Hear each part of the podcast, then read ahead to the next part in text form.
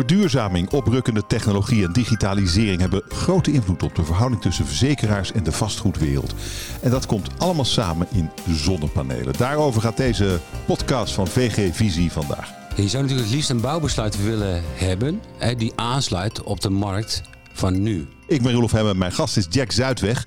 Hij is businesspartner vastgoed bij Centraal Beheer. Hi Jack, leuk je te ontmoeten. Goedemiddag. Fijn om, fijn om hier te zijn, leuk, ehm, in, in een leeg pand. Eh, ik spreek hier met iemand die een carrière heeft opgebouwd in verzekeringen. Ehm, ik zat me af te vragen, wat zegt dat over iemand? Jij laat denk ik niks aan het toeval over. Zekerheid, dat ligt ook wel eh, heel dicht, heel dicht bij mij. Klopt. Je bent een Ja. risicomijdend persoon. Dat ligt wel een beetje in mijn aard. En waarschijnlijk ook oververzekerd. Ja, dat, dat, dat, is vaak een beetje de nuance. En voor de klanten doe je het goed en voor jezelf wil je eigenlijk dan was ik even vergeten. Hè? Maar Echt waar? Is dat Ja, zo? Is dat echt zo? Wat Ja. was je laatste verzekering? auto. Nee, sorry, herstel. Scooter. Scooter voor dochter lief. Oh ja. en helemaal van voor naar achter, van boven naar beneden. Alles wat je kan verzekeren gedekt. Die was goed verzekerd. Ja, dochter. echt. Ja. Ehm, wa- wat, jij bent businesspartner vastgoed bij Centraal Beheer. Ehm, wat, wat doe jij precies? Wat ik binnen Centraal Beheer mag doen is tweeledig. Enerzijds heeft dat een verzekeringscomponent. De vastgoedrelaties. Dus wij mogen voor heel veel vastgoedrelaties hun vastgoed verzekeren. En we zijn de grootste vastgoedverzekeraar in Nederland. Dus dat zit echt Ja. verzekeringstechnisch. En de andere kant is om te kijken van... Ja, wat is nu daadwerkelijk de klantbehoefte van onze relaties? Nu, maar ook zeker naar de toekomst toe. En hoe gaan wij daar als centraal beheer, als onderdeel binnen Achmea... Hoe gaan we daar invulling aan geven? Dus met alle ontwikkelingen die nu gaande zijn, maar ook die wij verwachten en dan natuurlijk onze klanten verwachten. Dus het is, het het is tweeledig. Dus aan de ene kant echt bij de klant aan tafel en anderzijds de organisatie helpen om te voldoen aan de behoeftes. En je zegt er voor andere dingen. Wat bijvoorbeeld? Sorry? Wat, je zegt er voor andere dingen in de klantbehoeften. Er komen natuurlijk nieuwe ontwikkelingen af op het vastgoed. Eh, als, als we kijken naar energie, naar duurzaamheid, misschien zijn dat wel de grootste. Ja, er zijn echt heel veel veranderingen die wij voor, voor ogen hebben. Nou, klimaat. Eh, we hebben natuurlijk afgelopen eh, weekend gezien, of afgelopen week, wat het allemaal met zich meebrengt. Ja. Een hoop ellende waar wij van mening zijn wel. eh, door informatie vanuit diverse instanties in Nederland, maar wereldwijd, wat wij nu zien gebeuren. Hè, nu is het dichtbij, Europa, Nederland zelfs. Ja, dit gaat vaker voorkomen. Dus we zien natuurlijk heel veel veranderingen op, eh, op weer, op neerslag. Eh, maar we hebben het ook over hitte, we hebben het over droogte. Dus heel veel veranderingen die impact hebben op het vastgoed. Ja, terwijl we nu zien dat eh, met de overstromingen in, in Limburg zeggen de verzekeraars, wow, dit wordt een beetje te veel. En gelukkig is het een nationale ramp, hoewel gelukkig tussen aanhalingstekens Nee, natuurlijk. correct. Zodat de overheid een, een handje kan, kan helpen. Eens, maar dat is ook juist eh, eh, wat ik net aangaf, de klantbehoeften. Eh, vanmorgen had ik ook alweer al een call met diverse collega's. Dat ik zeg, vanuit, vanuit de particuliere hoek zie je dat overstroming. En daar zitten wel gradaties aan. Maar dat er bepaalde vergoedingen mogelijk zijn vanuit de verzekeraar. Maar bedrijfsmatig zie je bij de meeste verzekeraars, daar is geen vergoeding. Maar de behoefte in de wetenschap, hè, dat er steeds meer gaat veranderen. Dat dit niet één keer in de 100 jaar voorkomt. Maar wellicht één keer in de 20. Nou, En tegelijkertijd, 10. nou, dat is, dat is natuurlijk een grote verandering. Dat, dat klimaat dat verandert. Daar moeten we wat tegen doen. We moeten af van fossiele energie eigenlijk. Ehm, eh, dan krijgen wij zonnepanelen. En ik zei het al, in zonnepanelen komen al die ontwikkelingen eigenlijk samen. Eh, leg mij uit hoe dat, hoe dat zit. Ehm, eh, de ontwikkeling die wij nu gaande zien, ehm, zeker in, in vastgoed, is dat relaties juist willen bijdragen. Dat ze zeggen, nou vanuit fossiele brandstof, daar willen we van terug. Dus we gaan zelf opwekken. Nou, zonnepanelen is daar natuurlijk ideaal voor. Prachtig, je hele dak vol. Dak vol, het levert energie op. Je kan energie gebruiken. Energie die je niet gebruikt, kun je weer opslaan. Voor, voor de momenten dat je het wel gaat gebruiken.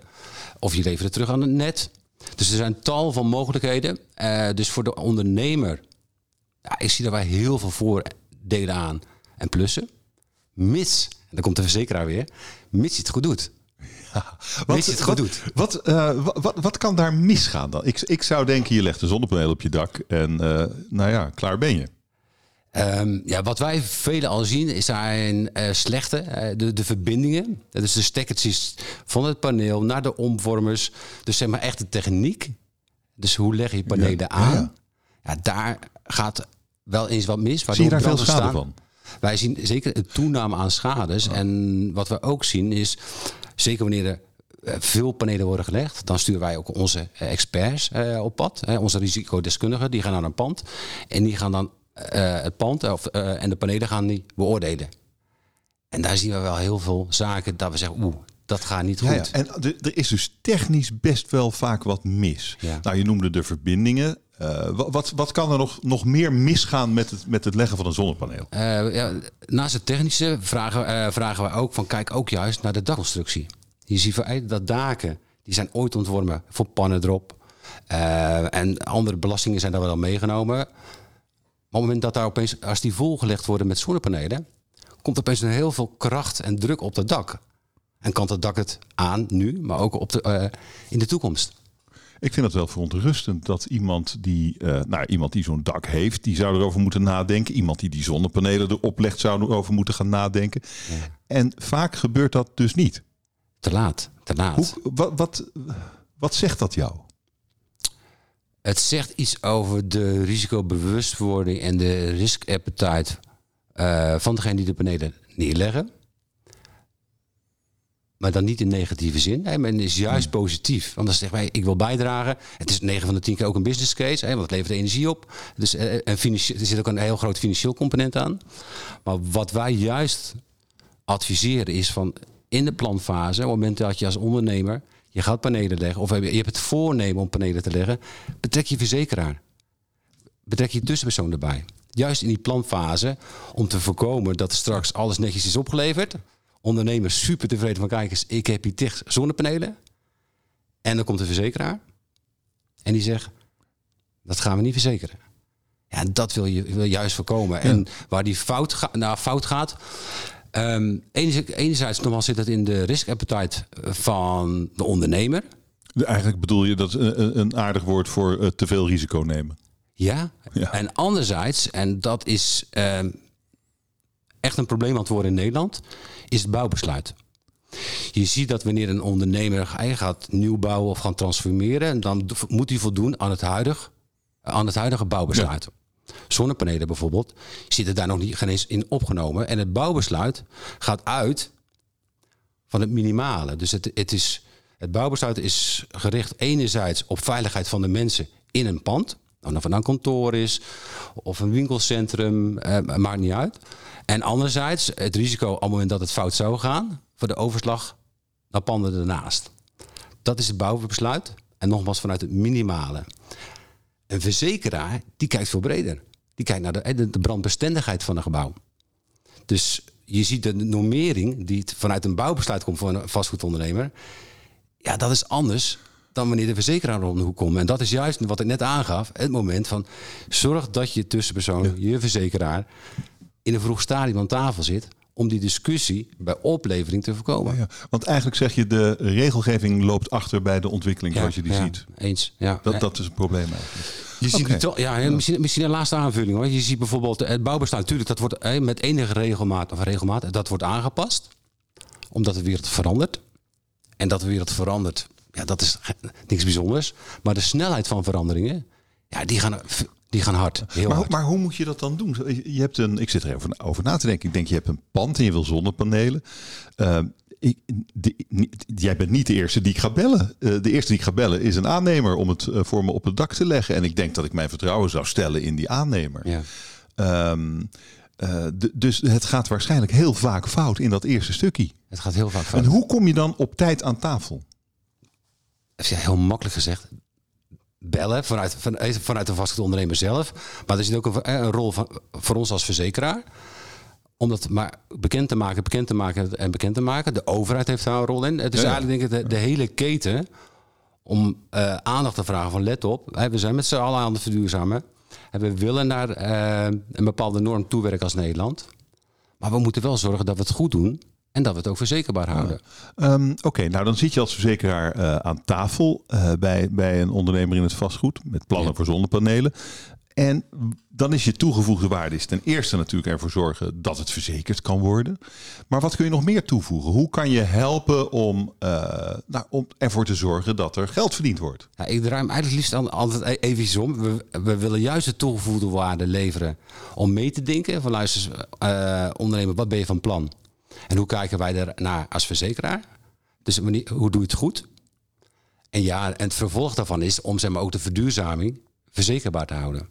Dus zodat hij ook hij of zij verder met de, met de business kan. Maar wat voeg je verder dan nog toe, behalve dan dat het verzekerbaar is? Ehm, ja, juist het verzekerbaar houden van dat soort zaken is natuurlijk dat hij, door, hij of zij door kan met de business. We hebben een voorbeeld in Nederland, is ondertussen wel, wel wat gedateerd van, eh, van vorig jaar. Hadden we de Tialf. Een groot Ja. eh, sportcentrum om te schaatsen. Waar de verzekeraar, de toenmalige verzekeraar, zei van luister, jullie hebben het helemaal volgelegd met zonnepanelen. Maar vanaf nu, er is geen dekking meer. Met als consequentie dat de business op dat moment ook stagneert. Want er is geen dekking. Dus op het moment dat je een gebouw gaat exploiteren, maar er zit geen dekking op. Ja, dan zegt de ondernemer, moet dat nu wel, moet ik dat niet even on hold zetten? Want straks gaat er wat fout. Dus in die zin, ehm, dus eh, nogmaals, en er is heel veel kennis bij verzekeraars. Op allerlei gebieden. We hebben natuurlijk heel veel data in huis. Data nu. Maar wat ik net in, het gesprek ook al aangaf. We hebben natuurlijk ook heel veel gesprekken met, met andere partijen. Om te kijken, wat waar gaan we naartoe naar de toekomst? En ook dat soort informatie, om dat te delen met de markt, ja, is heel waardevol. Ehm, we gaan hier nog wel even over doorpraten. Ja. Maar ik wil je eerst een paar eh, eh, persoonlijke vragen stellen om je een beetje beter te leren kennen. Eh, ik stel je een korte vraag. Geef ook kort antwoord. Daarna kun je er altijd nog op terugkomen als je dat wilt. Acht uur per dag werken of liever veertien? Ik val even stil, helaas 14. Veertien. Ehm, wat is je grootste inspiratie? Oh, die sla ik even over. Maak, maak deze zin even af. Dit raakt mij persoonlijk. Wat mij raakt is onrecht. Onrecht. Er is heel veel onrecht. Onrecht. onrecht. Eh, wat is je favoriete stad? Rotterdam. Rotterdam, zei Ja. de Zeeuw. Oké, dat moet je zo even uitleggen. ja. Eh, je ultieme ontspanning. Fietsen. Fietsen in het Zeeuwse, waar ik woon. En wat is je beste sportprestatie, nu we het daar toch over hebben? Nou, dat is echt, eerlijk eh, eh, wezen, heel, heel lang geleden. Ik ben ooit een keer derde, een derde plaats gehaald bij het Zeeuws kampioenschap tennis. Kijk, Maar heel wat, is lang je, geleden. wat is je guilty pleasure? Eh, oh, daar moet ik echt over nadenken. Misschien straks. Eh, wat is voor jou een perfecte dag? Een perfecte dag is... Ik hou hem toch even op, op het weekend. Mooi weer. Fietsen door het Zeeuws, wat ik net aangaf. Met vrouw lief. Genieten. Eh, acht uur per dag werken, dan zeg je, of veertien, dan zeg je veertien. Ja, Waarom zou je nou 14 uur per dag werken? Ja, dat zegt Wat ook- levert het jou op? nee, eens. Ehm, dat zegt ook iets over mij. hè. In enthousiasme, veel kansen zien, mensen willen helpen. Ehm, dat betekent in mijn geval dat ik ook slecht keuzes kan maken. Oh ja. Dus je zou af en toe ook kunnen zeggen van nou, ik snap het probleem, ik snap het euvel. En dat kan ook van een collega zijn hè, die een vraag stelt. Maar dan denk je van nou, ik ga hem helpen. Dan kan de collega weer verder. Iedereen weer blij. Maar dan ben je weer een uur verder. En er liggen nog meer zaken. Dus keuzes maken. Ja, ja, jij bent een hulphond eigenlijk. Ja, ik werk al met heel veel plezier. Eh, je grootste inspiratie, weet je man? Ik vind het heel lastig. Dat, dat is heel veel. Dat, eh, dat kan mijn vader zijn, eh, die, die helaas niet meer leeft. Maar daar heb ik enorm veel van geleerd. Ik heb collega's, directe collega's. Waar ik af en toe jaloers naar kijk. Maar daar in, in positieve zin. Waar ik denk, ah, dat pik ik van jou. Want, ja, ik pak inspiratie uit heel veel Ja, ja, hoeken. uit mensen. Ook, ook geloof. Dat is echt bij mij echt heel breed. Ehm, en dan vraag ik je, wat raakt jou persoonlijk? Zeg je onrecht? Meteen, onrecht. Onrecht, ja. Dus- En je zegt er is heel veel onrecht. Wat zie je dan? Als ik naar de wereld kijk, eh, en dan wil ik het niet zwaarder maken dan het, nou, dan niet zwaarder maken dan het is, maar voor mezelf. Maar er is natuurlijk heel veel onrecht in de wereld. Heel veel ellende, onrecht, eh, maar ook dichtbij. Is eerlijkheid en oprechtheid. Dat is iets wat ik wel zoek, maar ook vaak niet vind. Zie je in je werk onrecht? Nou, onrecht? Nee, ik zie geen onrecht in mijn werk. Als ik het echt puur heb vanuit mijn verzekeraarsbril. Maar ik zie wel traagheid. En traagheid kan voor iemand anders uiteindelijk wel leiden tot. Je zal maar eh, jaren moeten wachten op je claim, bedoel je? Zoiets. Ja, ja. Bijvoorbeeld. Ja. Eh, en dan ben je een zeeuw eh, die als favoriete stad Rotterdam heeft. Dat, dat, ja, maar ook wel de Lina vastgoed. hè. Er wordt natuurlijk hier enorm veel Oh, gebouwd. Ja, ja, ja. ja, ja. En, ja, ik vind het echt super mooi. Ik bedoel, de ene toren naar de andere toren schiet daar uit de grond uit. Eh, over sfeer kan je twisten. Eh, maar het plaatje en de gebouwen, ja, ik vind het geweldig. Ja, in plaats van Zierikzee, om maar wat te noemen. Ja, ja, ja. ja. En eh, weet je al wat je guilty pleasure is eigenlijk? Nee, die, uh, die, nee. die hou ik voor de volgende uitzending. uh, ik zag in de voorbereiding op ons gesprek dat jij schuldhulpvrijwilliger bent bij het Leger des Heils. Ja, dat klopt. Dat vond ik opvallend, vond ik mooi. Ja, klopt. Ja, dat doe ik al, uh, al jaren dag. Dan help je mensen die in grote financiële problemen zijn gekomen. Het en misschien, hoe, hoe doe je dat dan? Ja, dat, dat, misschien ook wat linkje naar onrecht. Ik heb op dit moment mag ik een uh, Syrisch gezin, groot Syrisch gezin, met zijn achten. Vader, moeder en zes kinderen. Uh, los van alle problemen die zij en ellende die zij in Syrië hebben meegemaakt. Uh, en de weg uiteindelijk naar Nederland. Ik was altijd wel een type die vond overal wel wat van. Soms heel zwart-wit. Wat dan bijvoorbeeld? Nou, uh, migranten bedoel je? Ja, denk ik, oh. ze komen weer, ze komen weer. En dan denk ik van Jack, ten eerste, we hebben het supergoed. Ja, en daar hebben mijn ouders en grote ouders en ik ook hè, kaart voor gewerkt. Maar wat is het mooi om te kunnen delen. En als je dan ook het verhaal erachter ziet. Ja, er is wel heel veel nuance die in media ontbreekt, zeg maar. Daar denk ik van, daar zit echt zoveel ellende en we kunnen zoveel betekenen. En jij helpt die mensen met hun financiën op orde ja, brengen? Ja, klopt. Dat is het. Ja, ja, ja, ah. ja. Um, Oké, nou we hadden het net over iets relatiefs uh, eenvoudigs als uh, zonnepanelen. Uh, waarbij we vaststellen dat de verzekerbaarheid daarvan niet per se gemakkelijk is, niet per se vanzelfsprekend is. En um, dat daar ook een soort, soort onachtzaamheid een rol in speelt. Maar ook dat bouwbesluit, je noemde het net al even. Ja. De regels zijn eigenlijk niet helder genoeg voor de ontwikkelingen die er inmiddels zijn. Wat zou er volgens jou in dat bouwbesluit moeten komen? Je zou natuurlijk het liefst een bouwbesluit willen hebben hè, die aansluit op de markt van nu. Dus we hebben het net over zonnepanelen. Ja. Ik heb uh, nog een mooi voorbeeld. We hebben, onlangs hebben wij, het zijn iets kleinschaliger, maar we hebben Ecodorp Boekel mogen verzekeren in Brabant. Ecodorp Boekel is wel een toonbeeld op circulair, duurzaam bouwen, duurzame materialen. Uh, het hele spectrum komt daar samen. Um, wat ik daar even uit wil lichten is de elektrische bekabeling die door, dat, uh, door, dat, door die woonwijk ligt. Die is volledig circulair. Een van de werelds grootste kabelfabrikanten uit Engeland. Die heeft gezorgd voor een volledig circulaire kabel. Dus oude kabels zijn gebruikt. En daar zijn nieuwe grote kabels van gemaakt. Oh. Die gaan daar de grond in, die gaan daar de huis in. Maar zijn nog niet uh, Europees gecertificeerd. Wat doe je dan als verzekeraar? De discussie hebben we binnen Achmea natuurlijk ook gevoerd. Die hebben we flink gevoerd. Je hebt een partij die zegt van hij is super gaaf, gaan we niet doen. En je hebt een bloedgroep die zegt, ja, als wij relevant willen zijn voor onze klanten, dan moeten we ook nu ervaren. En wij zijn een verzekeraar. Het is, wij baseren heel veel, uh, uh, nee, we analyseren heel veel data uit het verleden. En dan zeggen we, nou ja, kijken naar die data, dan gaan we die product of deze dienst gaan we aanbieden tegen deze premie. Ja. Maar in deze nieuwe wereld, dus in het voorbeeld zo'n hele circulaire kabel die door de, heel die woonwijk gaat, ja, wat doet dat met brand? Maar nogmaals, als wij relevant willen zijn nu, maar ook naar de toekomst, dan moeten we ook gaan leren als verzekeraar met de nieuwe ontwikkelingen. Dus hoe is dit opgelost? Dus we hebben gezegd, uiteindelijk, we stappen erin. Zonder beperkingen. Sterker nog, we hebben ja, nu ga ik over producten. Dat is natuurlijk wel een beetje. Maar je weet dus niet, je weet dus niet of die kabel goed is. Dus hier Voor, is een verzekeraar die een risico ja. neemt dat hij niet kan overzien. Dat is helemaal niet uh, typisch voor verzekeraar. Het is, nee, het is atypisch zelfs. ja. Het is atypisch. Ja. Het is atypisch. Maar, dus, en nogmaals, juist. De, en uh, ook in, in, dat project, een voorbeeld. Uh, alle isolatie, alle binnenisolatie in de panden, is allemaal van oude spijkerbroeken. Allemaal wel helemaal versnipperd. Maar ook daar zeggen wij van, ja, maar is dat brandbestendig? Ja of nee? Uh, maar je moet als verzekeraar, en zeker als grootste brandverzekeraar, dat klinkt wat al, maar ik mag het zeker zeggen, we zijn de grootste brandverzekeraar in Nederland. Dan heb je ook een verplichting van wil je enerzijds naar de bestaande klanten, die willen verduurzamen. En nogmaals, wil je relevant zijn, ja, dan moet je ook ervaring op gaan doen. En dat kan betekenen dat we achteraf misschien zeggen van dat hadden we misschien beter nou, niet kunnen doen. Maar hoe durf je zo'n groot risico te nemen?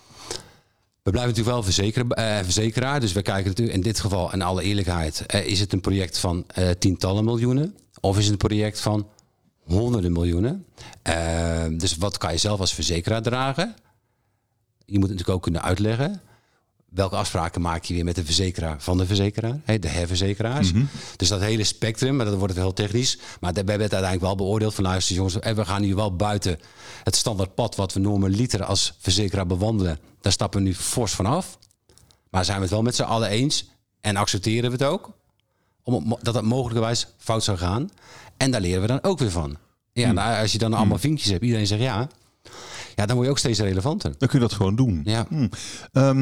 Maar eigenlijk ben je, je bent vooruitstrevender dan het bouwbesluit. Ja. Ehm, en ook aanzienlijk makkelijker. Eh, ja en. Ja, dat is Ik, lastig. ik blijf toch een beetje aan die risico's. Ja, we blijven natuurlijk verzekeraar. Dus het is ja en nee. Het, is, eh, het gaat af en toe al, eh, van links naar rechts. Ja, in, in een aantal situaties zijn we zeker vooruitstrevend. Maar dat is echt wel per situatie. Nou ja, mag ik je een voorbeeld ja. voorleggen? Er, er, er moeten honderdduizenden woningen bijgebouwd worden in ons land. Ehm, die zullen allemaal voorzien moeten worden van de modernste technologie. Als het gaat over energievoorziening, noem het allemaal maar Ja, op. En die moeten verzekerd worden. ja, ja.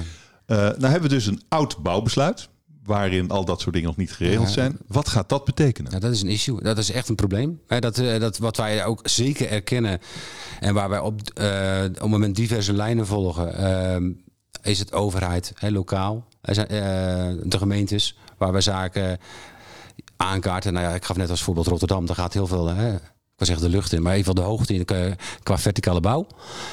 Daar proberen we ook aan te geven van, ja gemeente, je, zet een bouwbesluit uit. Maar de wereld van nu is anders. Dus op het moment dat je een gebouw van 70 meter hoog zet. Nee, dat zijn nog niet de, de wolkenkrabbers, maar dat is, het is aardig hoog. Ehm, met het bouwbesluit wat we nu hebben. Dan zijn ze niet verplicht om een brandmeldinstallatie te hebben, een sprinkler, et cetera. Maar je kan je eigenlijk wel afvragen, ook als gemeente. En nogmaals, ik weet ook dat ze daarover nadenken. Eh, maar moet je dat willen? Dus op het moment dat daar uiteindelijk op de 23, nou op de 30ste brand is. In de wetenschap dat de brandweer in Nederland volgens mij tot 24 meter hoog kan qua ladderwagens. Dus op de 30ste heb je brand. 30 meter hoogte. Wat dan? Ja. Met een jong gezin. Moet je dat willen? Dus Wow. Wil, een, wil, wil iemand die zo'n pand bouwt of die zo'n pand financiert, eh, wil die dat? Ja, het is, voor, mij, voor mij is het een spagaat. Ik moet een beetje opletten wat ik zeg. Nee, ik geloof, er is geen enkele ondernemer, dat weet ik 100% zeker, die wil dat het daar fout gaat, dat daar mensen zitten. Niemand. Anderzijds, je hebt ook nu met de, in de tijdgeest waar we nu leven, hè, er is een tekort, er is heel veel vraag. Uh, dan heb je nog eens een keer de bouwmaterialen die op dit moment, hè, nu we elkaar spreken, stijgen enorm, de kosten daarvan. Uh, dus dat zie je trouwens ook in het effect van de woningtekort en de wensen om te bouwen. Nou, die worden nu weer al terug uh, naar beneden bijgesteld. Omdat projecten worden stilgelegd op dit moment. Uh, omdat de bouwkosten te hoog zijn, dus de materiaalkosten. Dus antwoord op je vraag, nee, er zijn niemand die daar bewust voor kiest. Voor kiest. Uh, maar anderzijds, ja, als het besluit daar ligt en je voldoet eraan, ja, En kan je dan als verzekeraar zeggen, ja, maar je voldoet wel aan het bouwbesluit, maar ik ga het niet verzekeren? Ja, we hebben, ik kan heb, dat? Ja, ik heb tal van voorbeelden Ja, ja. in onze vastgoedportefeuille die wij mogen verzekeren. En recent, van de laatste, zelfs van de laatste weken, dat we hebben gezegd, nou, het is een super gaaf pand. Maar we gaan het niet doen. Nee? En, waar, en waar, waar loopt het dan op stuk? Dan zit het op uh, brandveiligheid. Brandveiligheid. Brandveiligheid. Dus enerzijds heb je te maken met uh, brandveiligheid in het pand zelf. En een stapje weer terug naar duurzaamheid. Maar ook als, als daar een parkeergarage onder zit. En de parkeergarage die, die wordt gefaciliteerd voor uh, elektrisch laden. Dus elektrische auto's. En dus er komt een laadvoorziening. Ja, dan stellen wij ook al eisen voor die parkeergarage. Hoe ga je om met de blusinstallatie? Ook in het bouwbesluit niet geregeld. Dat trouwens, het is wel zo dat volgend jaar, als het goed is, is Brandweer Nederland en een tal van partijen mee bezig, ook wij, komt daar een herziening op. Dus dat nieuwe panden met een parkeergarage, die moeten gaan voldoen uh, aan een bepaalde mate van brandblusinstallaties, om uh, branden met elektrische voertuigen. Uh, om die beheersbaar te houden. Ik vind, ja? ik vind het toch gek dat, uh, dat een bouwer of een, of een financier dat goed vinden. Dat vind ik gek. Ik val een beetje stil. Um, eens wat jij zegt. Nou ja, nogmaals, uh, eens.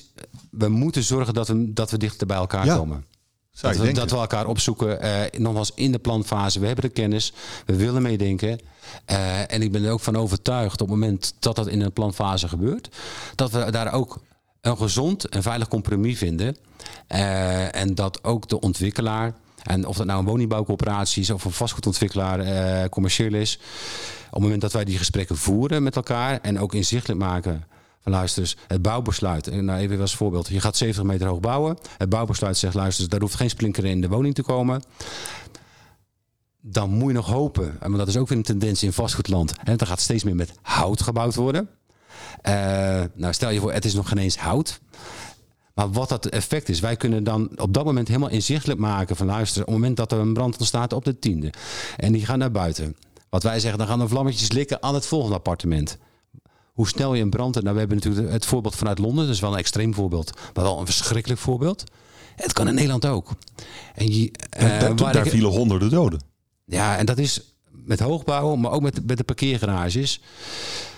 Um, wij lopen natuurlijk het risico dat er eerst iets moet gebeuren, iets, iets vreselijks, mm. dat er geacteerd wordt. Maar de kennis, die is er al. Het hoeft niet mis te gaan. En het gekke is dat dat bouwbesluit dat allemaal heel makkelijk zou kunnen regelen voor iedereen, uniform, helder, duidelijk. Eens. Uh, waarom duurt het zo lang?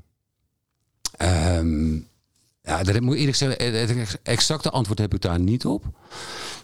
Excuus. Um, wat je natuurlijk ziet, ja, de veranderingen gaan door. Maar in mijn beleving zou je dan juist in de tijdgeest waar we nu zitten en ook in de wetenschap, dat die ontwikkelingen, die gaan sky high. En hebben het, bedoel, dit gesprek kunnen we voor mij alle dag voeren. Want we hebben het over sensoren in woningen. Er, gaan, er zijn zoveel ontwikkelingen gaande uh, in vastgoedland.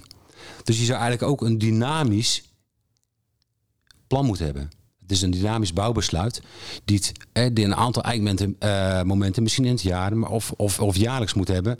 Om te zeggen, ja, maar met de kennis die we nu hebben, hup, krijgen we deze, moet daar aangeschaald worden. Dat moet dynamisch zijn en niet tot daar weer signalen komen vanuit de overheid. En dat zien we nu gebeuren met parkeergarages. Uh, waar men bang is voor branden. Elektrische auto's zijn niet eenvoudig te blussen. Dus op het moment dat die in een parkeergarage staat en die gaat branden in de wetenschap, een brandweer die blust dan niet, die moet in een container met water moet die staan. Maar als die gaat branden in een parkeergarage, in de wetenschap dat daar nog 10, 12, 15, 30 woonlagen boven zit, dan wordt er geacteerd. En daar wil je, en dat zou je juist niet willen. Je zou willen van luisteren, nee, nogmaals, we willen een dynamisch bouwbesluit. Waar verzekeraars in zitten, maar ook vertegenwoordiging vanuit de bouw, vanuit vastgoed. Om te kijken van hoe gaan we die jaarlijks. En dan loop je nog een stukje achter. Maar dat is wat anders dan eens in de zoveel jaar. Klinkt zo logisch. Uh, ja. Maar die, die, die elektrische auto die in brand vliegt in een parkeergarage, die gaat de brandweer niet blussen. Nee. nee. En, en die container, die kan er niet in misschien. Nee, maar ja, nee, Ze laten hem gewoon uitbranden. Uh, Hoe voorkom je dan dat, dat, het hele gebouw afbrandt? nee, maar dat eens. Wat wij nu, en dat is meer in adviesvorm. Hè, dat we zeggen, zorg dat, dat uh, elektrische, de laadvoorziening aan het begin van de parkeergarage staan. En niet halverwege of op min 2 of min 3. Zorg dat de parkeervakken, het is heel praktisch hoor, en uh, ook bekend in vastgoedland.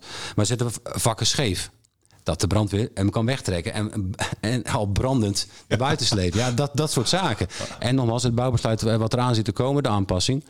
Nieuwe parkeergarages, en dan heb ik het over 22, moeten gaan voldoen aan een bepaalde blusinstallatie.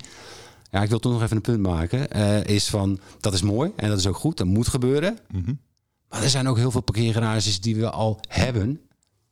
En waar ook laadvoorzieningen in zijn.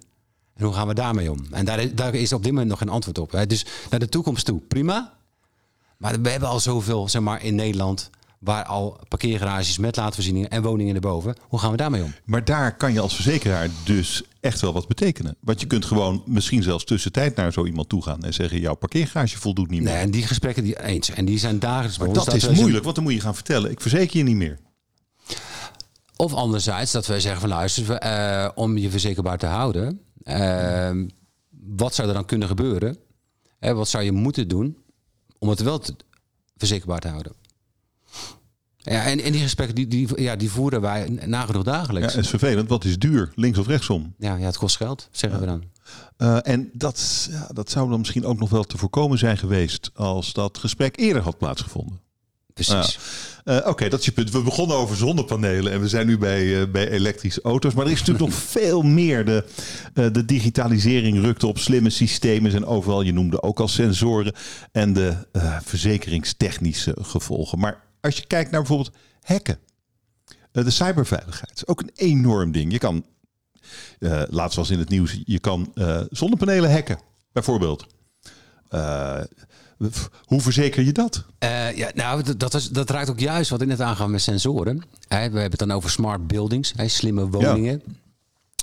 en ze worden wel steeds slimmer. Maar wat je nu ziet is um, een woning, die wordt, hè, daar komen bepaalde sensoren in.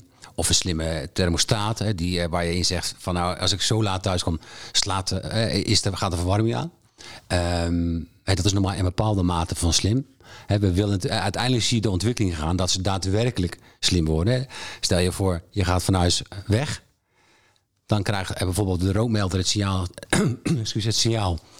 Uh, de bewoners gaan naar buiten toe, dus we kunnen gelijk netjes de temperatuur aanpassen. Nou stel je voor, de, de stofzuiger die kan gaan stofzuigen. Ja, er zijn natuurlijk zoveel... Ja, dat lijkt me hartstikke leuk. Ja, maar ja, er komt nog zoveel aan. Daar ben ik trouwens van overtuigd. Maar wat je ziet in de veiligheid van dat soort apparaten... En die worden natuurlijk en masse op de markt eh, worden die gebracht. In Nederland, maar Europees wereldwijd. Door fabrikanten. En daar is natuurlijk nu wel het issue van hoe veilig zijn die wifi-verbindingen. Ja, niet. Vaak niet. Zien we toch steeds in het klopt, nieuws. Klopt, en dat, dus daar, daar zit natuurlijk vanuit cyber uh, daar moet ook, komt ook straks weer een slag op van luister jongens, maar dat moet wel veilig hè? Nou ja, maar de, kijk, de volgende stap is dat uh, over die zonnepanelen, dat vond ik wel verontrust, verontrustend nieuws. Uh, het, het, zou kunnen zijn dat hackers, bijvoorbeeld uit Rusland of zo, die, die leggen gewoon onze stroomvoorziening plat via zonnepanelen. Ja, ja. Nou is dat voor een gebouw misschien nog niet zo erg, maar de berichten waren, het kan misschien wel voor een hele wijk of voor een stad. Nou, sterker nog, stel je voor. We hebben hier ook de scenario's geschetst. Hè, als we elektrische uh, toegangsdeuren. Dus uh, daar komt een moment, uh, dat, dan heb je helemaal geen sleutel meer. of ergens, nou, vind ik iets wat enkelingen, maar je hebt een chipje in je. Of een andere manier, maar je wordt herkend als je de voordeur uh -huh. en die gaat open. We hebben het in, voor mij is twee jaar terug in Oostenrijk gezien dat een hotel met allemaal elektrische deuren, die is gehackt. Het hele hotel op slot. ja, kijk. En die komt natuurlijk wel naar een verzekeraar toe. En wat zeg je dan? Uh, ja, dat is in, in, deze specifieke situatie. Nou ja, als je kijkt naar zo'n hotel, weet je, de, de, ja. de, de, gasten zijn doodsbang. Die zouden claims kunnen doen. Uh, uh, ze kunnen ook gewoon schade oplopen. Kunnen ze claims om doen. Kunnen, het bedrijf loopt schade op. Klopt, dat wordt een enorme claim. Nee, er zijn een tal van producten. heb ik over producten door diverse verzekeraars op de markt. We noemen dat cyberverzekeringen, waar aansprakelijkheid is ingeregeld. Of zelfs lesselschade, zaakschade. Dus ja, er zijn al tal van producten die uh, daarop uh, aansluiten. Maar dat is ook weer een van de vele risico's. Ja, daar komen steeds nieuwere, Waanzinnig. nieuwere ja. risico's op de markt. Hoe moet je daar nou op uh, als, als, als vastgoedprofessional mee omgaan? Wat moet je doen? Niemand, en ook een vastgoedondernemer, heeft alle informatie en alle kennis in pacht. Dus mijn advies zou zo zijn, ook informatie halen. Wij hebben een taak als verzekeraar om ook informatie te brengen. Uh, maar maak gebruik van. Er is zoveel kennis in de wereld, dus maak gebruik van.